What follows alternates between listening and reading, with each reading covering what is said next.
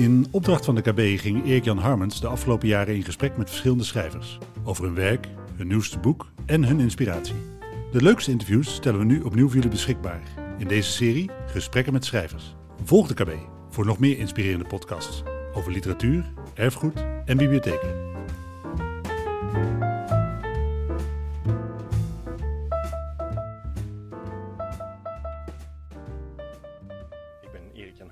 Praat met Meerte van Doornik over haar debuutroman Moeders van Anderen.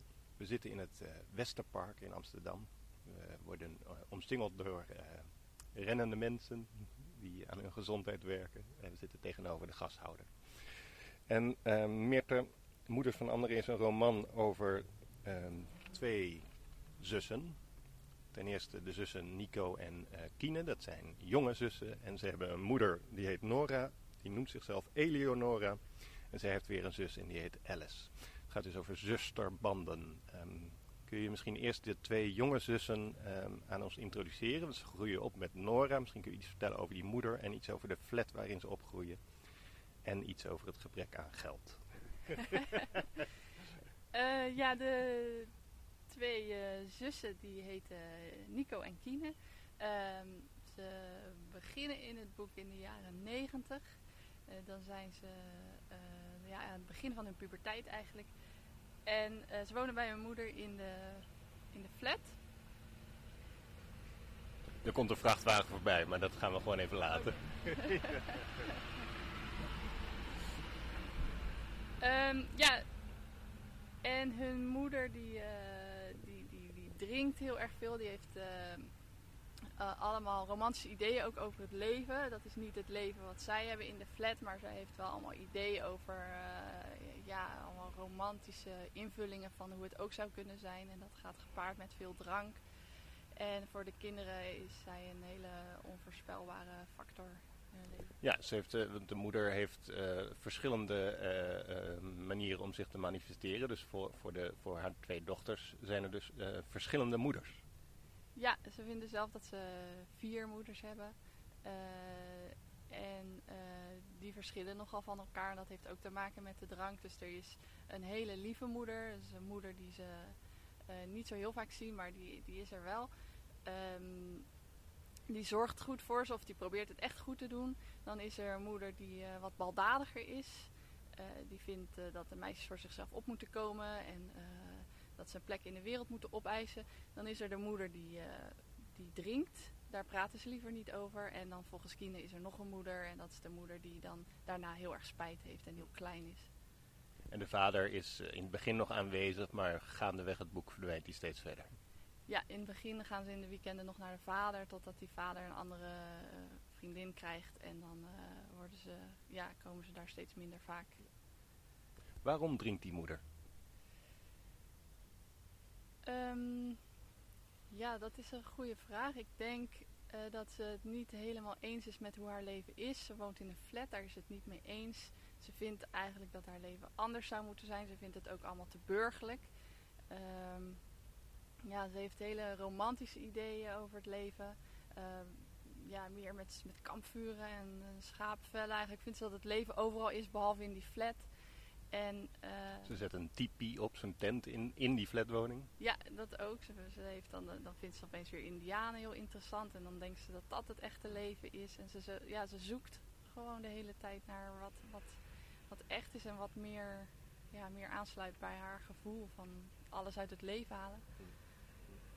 Ze laat haar dochters ook alleen. Uh, een keer in uh, Euro Disney dat de dochters aan hun lot min of meer worden overgelaten terwijl zij de stad ingaat met haar uh, vriend. Maar ook in die flatwoning dat de dochters gewoon een poos alleen zijn. Is dat, um, ik heb niet het idee dat het is omdat ze niet van haar dochters houdt. Nee, ik denk ook dat ze heel veel van haar dochters houdt, maar dat ze het ergens gewoon ook niet kan. En gewoon het leven aan zich. Dus dat ik denk ook dat het voor sommige mensen echt uh, moeilijker is om iets van het leven te maken dan anderen. En zij heeft daar, ze zoekt wel echt naar hoe kan ik dat voor mezelf, hoe, hoe, kan ik daar wel alles uithalen. Maar dat gaat uh, ja, een beetje ten koste van de verantwoordelijkheid voor de dochters. Dat is wel een interessant punt, want wij, wij de maatschappij dan uh, zeggen over nou, over vaders zeggen we dat minder. Dat is al eigenlijk oneerlijk. Maar we zeggen over moeders die wat dat betreft op een minder gangbare manier voor hun kinderen zorgen, zoals de moeder in dit boek, zeggen we van uit de macht ontzetten. En we hebben daar allerlei meningen over. We vinden dat allemaal heel verwerpelijk. Maar jij nuanceert het beeld. Uh, ja, omdat ik denk dat ze er zelf niet zoveel aan kan doen. En ik denk ook niet dat ze een slecht mens is. Ik denk wel dat ze op dat moment een slechte moeder is. En dat is inderdaad uh, meer een taboe dan een slechte vader, denk ik. En een slechte moeder is toch wel... ja, dat, dat, vinden mensen wel heel erg. Ja, um, Nico en Kine um, reageren daar anders op. Nico neemt eigenlijk um, ja, veel en veel meer afstand van de moeder Um, heeft eigenlijk al geaccepteerd dat ze daar weinig van te verwachten heeft. Terwijl Kine, uh, laten we zeggen, het spel meespeelt. Dus als de moeder dronken is en nou ja, hè, uh, zegt van kom op, we gaan wat drinken, want er is opeens even wat geld of zo, dan ehm, speelt Kine dat spel mee. Ja, Nico is eerder teleurgesteld in, in misschien ook gewoon helemaal in de wereld. En later blijkt ook dat ze zelf ook eh, maar moeilijk eh, iets van het leven weet te maken. Ehm, maar ze is in eerste instantie ook echt teleurgesteld door die moeder en dan ook door die vader die hen in de steek laat. Eh, later ook nog weer door een buurmeisje. Um, maar Kine die, die heeft toch iets meer. Ehm, ja, Nico noemt dat hoop. Die zegt ook dat ja, jij hebt hoop en dat moet je niet hebben, want het komt niet meer goed. Maar Kine heeft denk ik een optimistische karakter. En die, die wil ook graag dat die moeder blij is. En die voelt dat ook allemaal van ja, maar misschien als ik nu meespeel, dan, dan, dan, ja, dan geloof ik haar even. En dan geloof ik haar niet echt, maar dan doe ik alsof ik haar geloof. En dan is dat ook weer fijn voor mijn moeder. Dus die blijft dat maar een beetje pleasen en uh, ja, een beetje helpen. En um, iemand uh, schreef dat in een recensie schreef dat uh, over het boek heel erg goed. Dat, zij schreef echt dat die kinderen moeten kiezen tussen um, die moeder ondersteunen of aan haar ontsnappen. En ik denk dat Kine heel lang blijft uh, ondersteunen en misschien wel eindeloos. Ontsnappen is, uh, ik wil niet te veel van het boek weggeven, maar op een gegeven moment is er sprake, dat is redelijk richting het einde van, de, van het boek, dat de twee zussen een drietal kreeften gaan uh, bevrijden uit een uh, restaurant en, dat, en die loslaten in het water. Waarbij, ik meen Nico dan ook zegt van ik weet niet of ze, of ze, het overleven, maar ze hebben nu tenminste een kans. Um, mijn vraag aan jou um, als schrijver van dit boek is, um, is dat überhaupt een scenario voor deze zussen om te ontsnappen? Mm, dat is echt een hele goede vraag, want dat is misschien wel de kernvraag.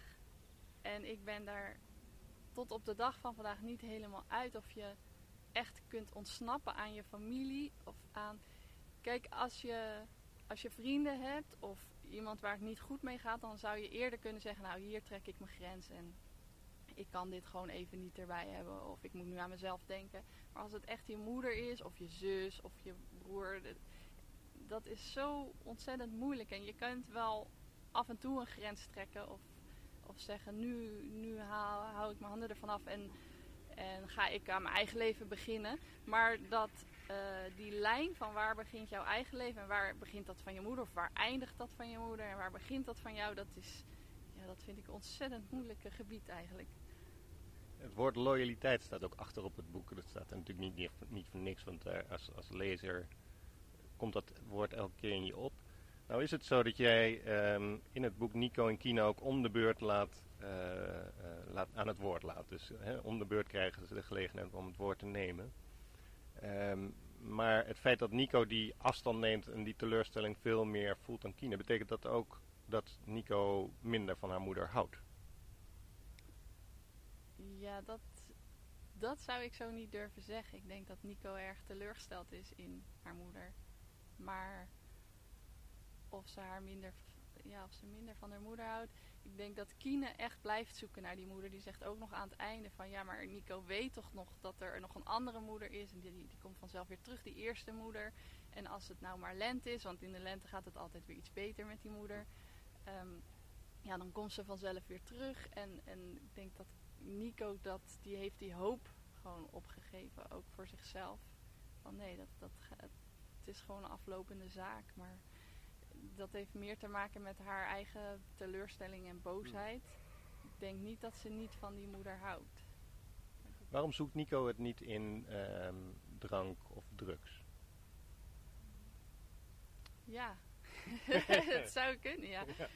Ehm, Het is zo logisch, omdat die moeder dat zelf doet. ja.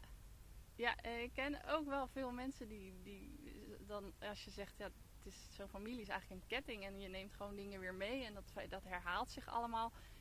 Eh, maar ik denk dat Nico zich, ze heeft zich ook heel erg boos gemaakt over die drank. Dus elke, elke keer als die moeder ging drinken was ze eigenlijk nijdig. En ik denk dat dat er ook weer houdt om zelf eh, aan die drank te gaan.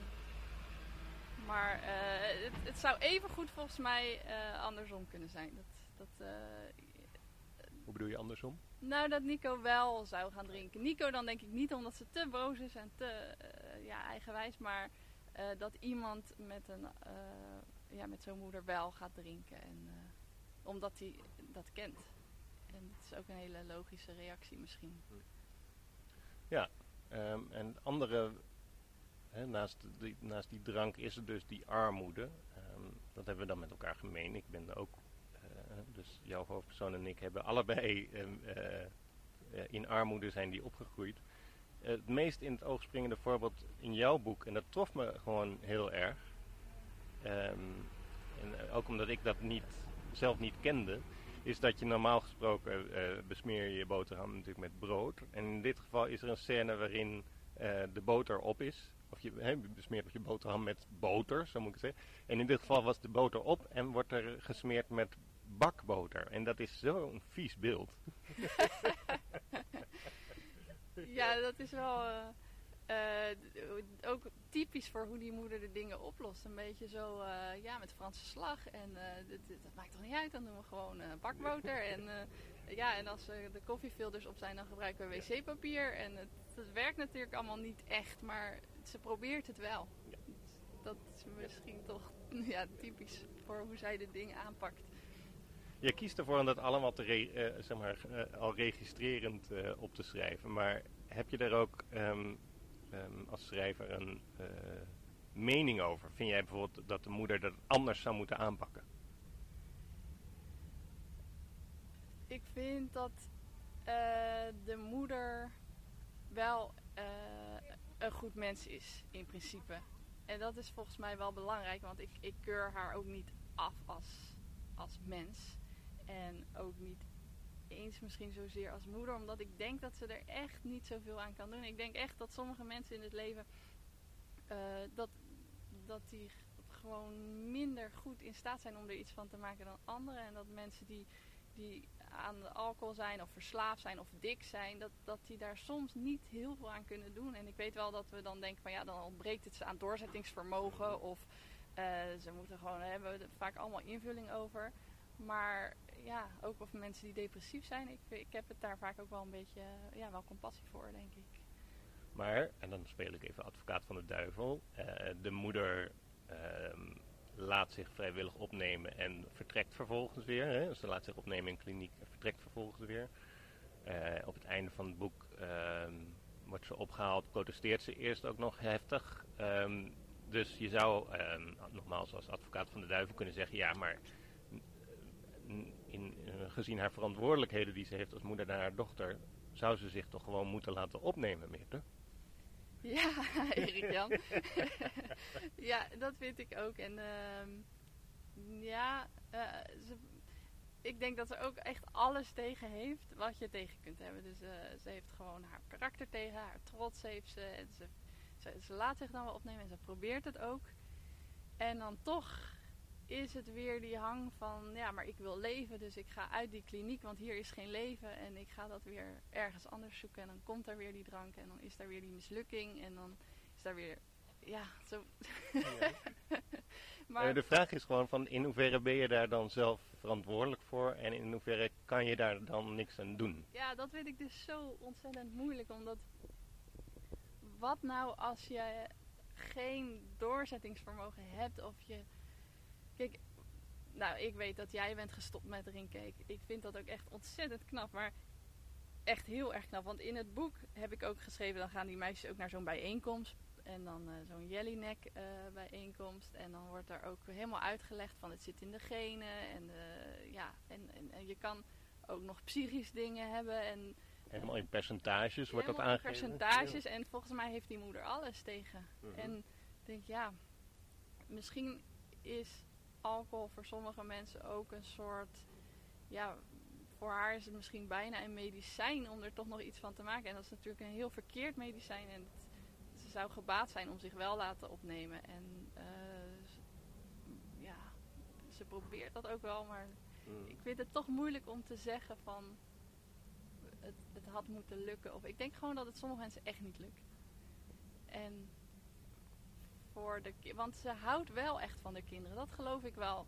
Waar zie je dat aan, dat ze wel echt van haar kinderen houdt? als zij, ze neemt zich heel vaak voor om niet meer te drinken. En dan houdt ze zich daar ook heel even aan. En dan probeert ze echt een goede moeder te zijn. Heeft ze allemaal voornemens. En we gaan op vakantie. En we gaan het helemaal, en dan gaat ze het helemaal goed doen. En die kinderen geloven dat natuurlijk al lang niet meer. Maar daarin zie je wel van ze wil het wel echt goed doen. En ze weet ook precies waar het fout gaat. Maar ja, het, het lukt er niet meer. Ze wordt steeds weer ingehaald eigenlijk door, door die drank en door die ja, die voornemens worden ook constant weer ingehaald door de realiteit. En dat is ook gewoon uh, heel rot voor haar. En Op wat voor, wat voor manier denk je dat het haar zou kunnen lukken, die moeder? Mm, ja. Dat is echt heel moeilijk. Ik denk dat ze uh, ergens een hele goede hulp zou moeten krijgen. Heel lang en intensief. Dat, eh, dat zou misschien kunnen werken. ja, en ze zeggen ook, ook vaak van je moet om geholpen te kunnen worden, moet je geholpen willen worden. En dat wil ze natuurlijk eigenlijk niet echt. Nee, nee, en ze neemt zich dan één keer voor om dat wel te doen. Dan is iedereen ook heel verbaasd. Of vooral Nico. Hmm. Is helemaal in de war dat dat dan wel gaat gebeuren. En dan, maar dat, dat houdt ze dan ook weer niet vol. Dus er zit ook echt iets, iets gewoon in dat doorzettingsvermogen wat niet, ja. er niet lukt. Nee. De titel van je roman, Moeders van Anderen, uh, zou je kunnen opvatten als een vorm van jaloezie. Dat is, even, dat is niet dat dat een feit is, maar zo zou je het kunnen opvatten. Um, anderen hebben uh, normale moeders. Ja, ja dus, uh, ook als de kindjes worden achtergelaten in Disneyland, dan, dan zien ze ook de hele tijd een soort van uitvergroot andere moeders lopen met kinderen en hoe die andere moeders dat allemaal doen. En die delen pakjes sap uit en die die zijn heel lief en die hebben zonnebrandcrème en uh, boterhammetjes. Mm -hmm. En uh, ja, dus dat komt dan wel op dat moment uh, binnen. Ja. ja. En Kine gaat ook met regelmaat eten bij een jongetje in de buurt, of een jongen in de buurt, die een, laten we zeggen, een soort gewoon, gezin heeft. Um, maar ook daar, um, bedoel, daar vindt ze een, een vorm van geborgenheid. Maar dan wordt al snel duidelijk gemaakt dat de, ze dan weer te veel impact maakt op dat uh, gezin. Uh, wat mij daaraan trof is dat ze daar niet eens heel teleurgesteld over is. Nee, ja. Ze, ze gaat inderdaad, uh, bij die familie is ze heel vaak, dat is dan haar vriendje Tobias. En dat is een heel gewoon gezin en dat vindt ze eigenlijk zo fijn. Met, gewoon met een staande klok en gewoon een, een, tafel waar ze allemaal aan zitten en waar ze allemaal eten en op zondag soep en op maandag. Nou, allemaal heel erg prettig voor haar. En dan, ja, misschien heeft ze al te veel teleurstelling meegemaakt. Zodat ze ook wel in één keer begrijpt van, jij hoort hier niet als dat gezin dat haar duidelijk maakt van, je bent hier nu iets te veel. En wij hebben een eigen gezin en we eten graag samen op zondag. En dat heeft Nico volgens mij ook ergens. Dat, je, dat ze weet van, ja, je kunt niet zomaar een moeder van een ander pakken. Je kunt niet zomaar uh, ja, zeggen van daar lekker gaan nestelen. Mm -hmm. Dat is niet helemaal hoe het gaat. Nee. Dus daar zijn ze zich wel van bewust. En, uh, maar Kien is natuurlijk wel teleurgesteld daarover. Maar... Ja, maar ze lijkt het bijna niet toe te kunnen laten, wat me eigenlijk op een andere vraag werpt. Maar dat is ook een beetje een vraag echt aan jouw sec als schrijver. Van wat voelen die twee zussen uh, eigenlijk, Nico en Kine? Want ze groeien op deze manier op. Um, eigenlijk toch met een doorlopende reeks um, teleurstellingen die Nico uh, nogal lekker af te stompen. Ze zit heel veel voor de televisie of ze speelt computerspelletjes. Kine probeert er dan nog iets meer wat van te maken. Maar wat, wat voelen deze twee zussen nog en hoe heb jij daarin gedoseerd als schrijver? Ik denk dat de, dat de meisjes al vrij snel weten dat het ergens uitzichtloos is. Maar de situatie is natuurlijk ook vertrouwd waar je in opgroeit. Dus dat is heel erg lastig. Ik denk dat Nico uh, ontzettend snel afstand neemt. Al heel vroeg als kind. En ehm, dat, ja, dat, uh, dat, dat ze ook vlucht in die computerspelletjes. Uh, een beetje in die rampen bezweren. dus die, die, is, die laat gewoon niks meer toe. En dus misschien ook uit zelfbescherming. Ook dat die moeder niet meer zo dichtbij kan komen. en, en Kine, voor Kine is dat veel moeilijker. Omdat ze dus die hoop blijft houden. En, maar ze, ja, en ze heeft Nico ook. Hè. Nico is, een, is de oudere zus waar, waar ze eigenlijk best wel veel aan heeft. En die dat pad eigenlijk toch wel een beetje voor haar vrijmaakt. En die haar moeder ook, uh, ja, in het begin van het boek zie je dat wel heel duidelijk. Dat uh, Kine ook zegt van Nico weet altijd wat we moeten doen. Dus die hmm. kan gewoon wat meer vrijuit leven misschien dan Nico. Nico heeft veel meer zorgen en verantwoordelijkheden. En daar gaat ze ook vooral aan die verantwoordelijkheden voor Kine gaat ze ook uh, op een gegeven moment ten onder. Alhoewel dat op een gegeven moment ook draait. Ja.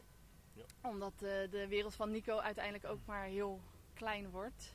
Wat dat betreft gaat ze ook een beetje op die moeder lijken. Mm -hmm. um, en dat uh, Kine zich dan weer verantwoordelijk voor Nico gaat voelen. Wat ook geen fijne positie is voor, voor Kine. Nee, ik herinner me een scène in een callcenter waarin Nico eigenlijk Kine iets verderop ziet. En uh, Kine is dan mensen aan het inwerken. Het lijkt een beetje alsof dan Kine de oudere zus is geworden. Ja, Kine die uh, heeft het ook. Uh, dan is ook wel duidelijk dat Kine het wat meer. Dat het haar allemaal wat makkelijker afgaat. Dat ze misschien wat populairder is zelfs. Ze is zelfs opgeklommen in zo'n callcenter. En dat die zus, ja, dat is dan die zus die zij dan ook maar daar laat werken. Maar die natuurlijk gewoon een beetje als een, als een blok aan haar benen. Ja, ja. Waar ze zich ja, niet echt verschaamd, maar misschien toch ook wel. Omdat ze denkt, ja, dan hebben we Nico weer met ja. haar uh, ja. ja problemen. En, er, uh, en die kan uh, heel moeilijk contact maken met iemand. Dus dan probeert ze altijd het nog met Kine. Maar die denkt ook, ja, ja ik moet mensen inwerken. En, ja. ja, dus dat is ook wel, wel een beetje zielig. Terug naar dat voelen. Wat, wat, wat realiseer dat, dat, het is een beetje een moeilijke vraag, maar toch wel een vraag die me bezighoudt. Van wat voelen deze twee uh, jonge vrouwen? Um, ja, en dan kun je het dan iets specifieker maken op welk, welk moment. Ja, gaandeweg het verhaal eigenlijk. Kijk, Nico die uh, neemt inderdaad vanaf het begin al afstand. Maar um, ja, tegelijkertijd is hoe ze zich, hoe ze zich uh, verhoudt tot haar moeder natuurlijk ook een pose. Dus achter de schermen voelt. Die van alles neem ik aan, toch? Uh, ja. We zijn allemaal mensen. En Kine is, uh, uh, nou, je zou kunnen zeggen, nog een soort van naïef. Een tijdje. maar ik vraag me gewoon af van, in jouw, naar jouw mening als schrijver, wat voelen deze twee meisjes, jonge vrouwen? Ja, dus ik denk dat ze vooral heel veel onmacht voelen hun hele leven. En teleurstelling, vooral voor Nico. Uh, maar ook uh, grote eenzaamheid. Dus uh, dat ze al anders opgroeien dan anderen. Dat ze veel armer zijn. dat ze niet op vakantie gaan. Nico die wordt later ook alleen maar eenzamer en eenzamer. En ehm, het is dat Kine nog wat positiever karakter heeft. dat je denkt, ah, die, die, zou er nog wel iets van kunnen maken. Mm -hmm. maar ik denk dat ze wel zich allebei tegenover het leven heel erg onmachtig voelen. En uh, denk je dat ze zich um, vrij kunnen gaan voelen uiteindelijk? Ja, dat, dat hoop ik voor ze. Er is wel, uh, geloof ik, ergens dat Kine ook vertelt van wij doen altijd alles na. Dus we kijken hoe anderen het doen en dan kopiëren we. Dus anderen drinken koffie, wij drinken ook koffie. Ook al vinden we het niet lekker. Want we willen het graag doen zoals het moet. Want dat hebben ze nooit geleerd. En uh, komt er vrachtwagen. We wachten even op de vrachtwagen.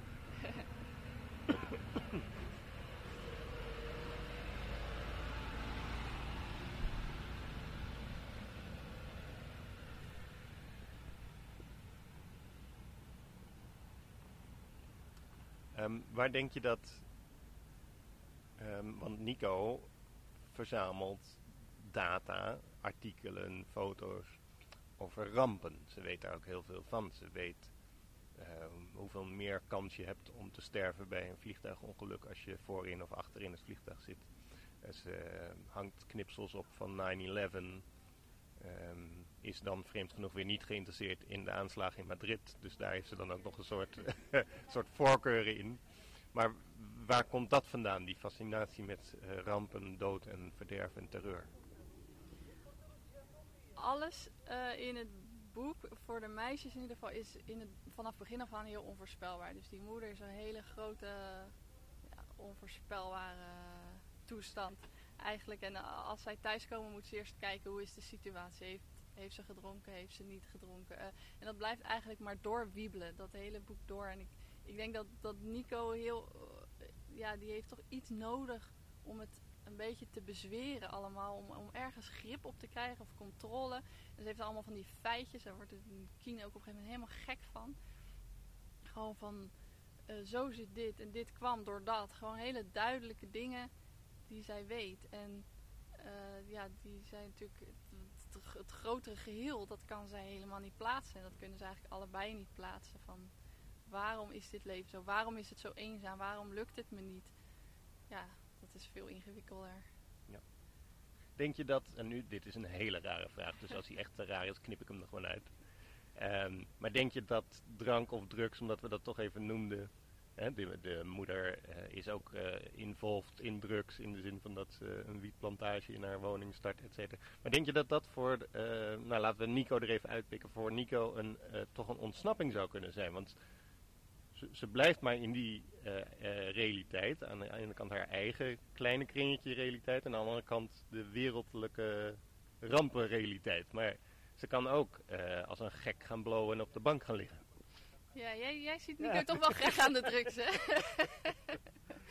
ja, ik denk... Ik zie het niet graag, maar ik denk alleen van, ja, weet je, het is vrij miserabel. En dan is er zo'n enorm voor de hand liggende escape die ze toch niet neemt.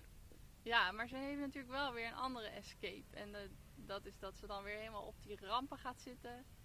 En uh, ik denk ook dat ze, want ze gaat op een gegeven moment naar, in therapie of, of naar een psycholoog, omdat dat een beetje uit de hand loopt met die rampen en hoe ze dat allemaal probeert te controleren. Dus misschien staat ze in tegenstelling tot die moeder wel meer open voor hulp, ergens.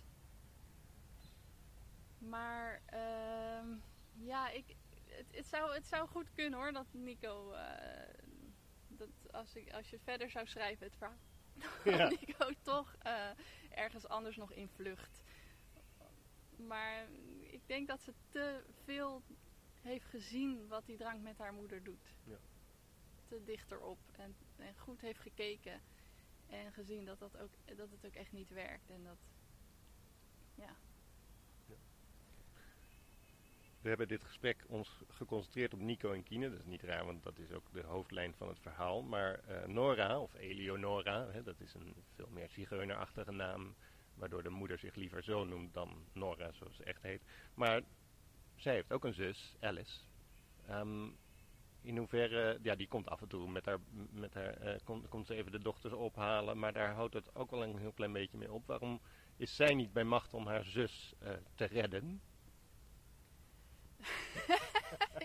Um, ja, die, die zus is te eigenwijs, denk ik. En ze komt er af en toe komt ze er redden in kleine situaties. Als het echt uit de hand is gelopen, dan komt Alice opdraven. En die komt dan eens eventjes een beetje weer uh, haar kant te manen. Of de boel uh, weer een beetje op, ja, de rommel weer opvegen. Mm -hmm. Maar uh, echt iemand, iemand redden, ja, dat is natuurlijk hetzelfde probleem. Als je gewoon het is zo ontzettend complex en, en moeilijk om iemand echt te redden. En laat staan als het familie is. Dus of het je broer is of je moeder of je zus, ik, ik geloof daar zelf niet echt in, eerlijk gezegd. En ik, ik, ja, ik zie dat Alice ook niet lukken, dat die die moeder wel even komt redden.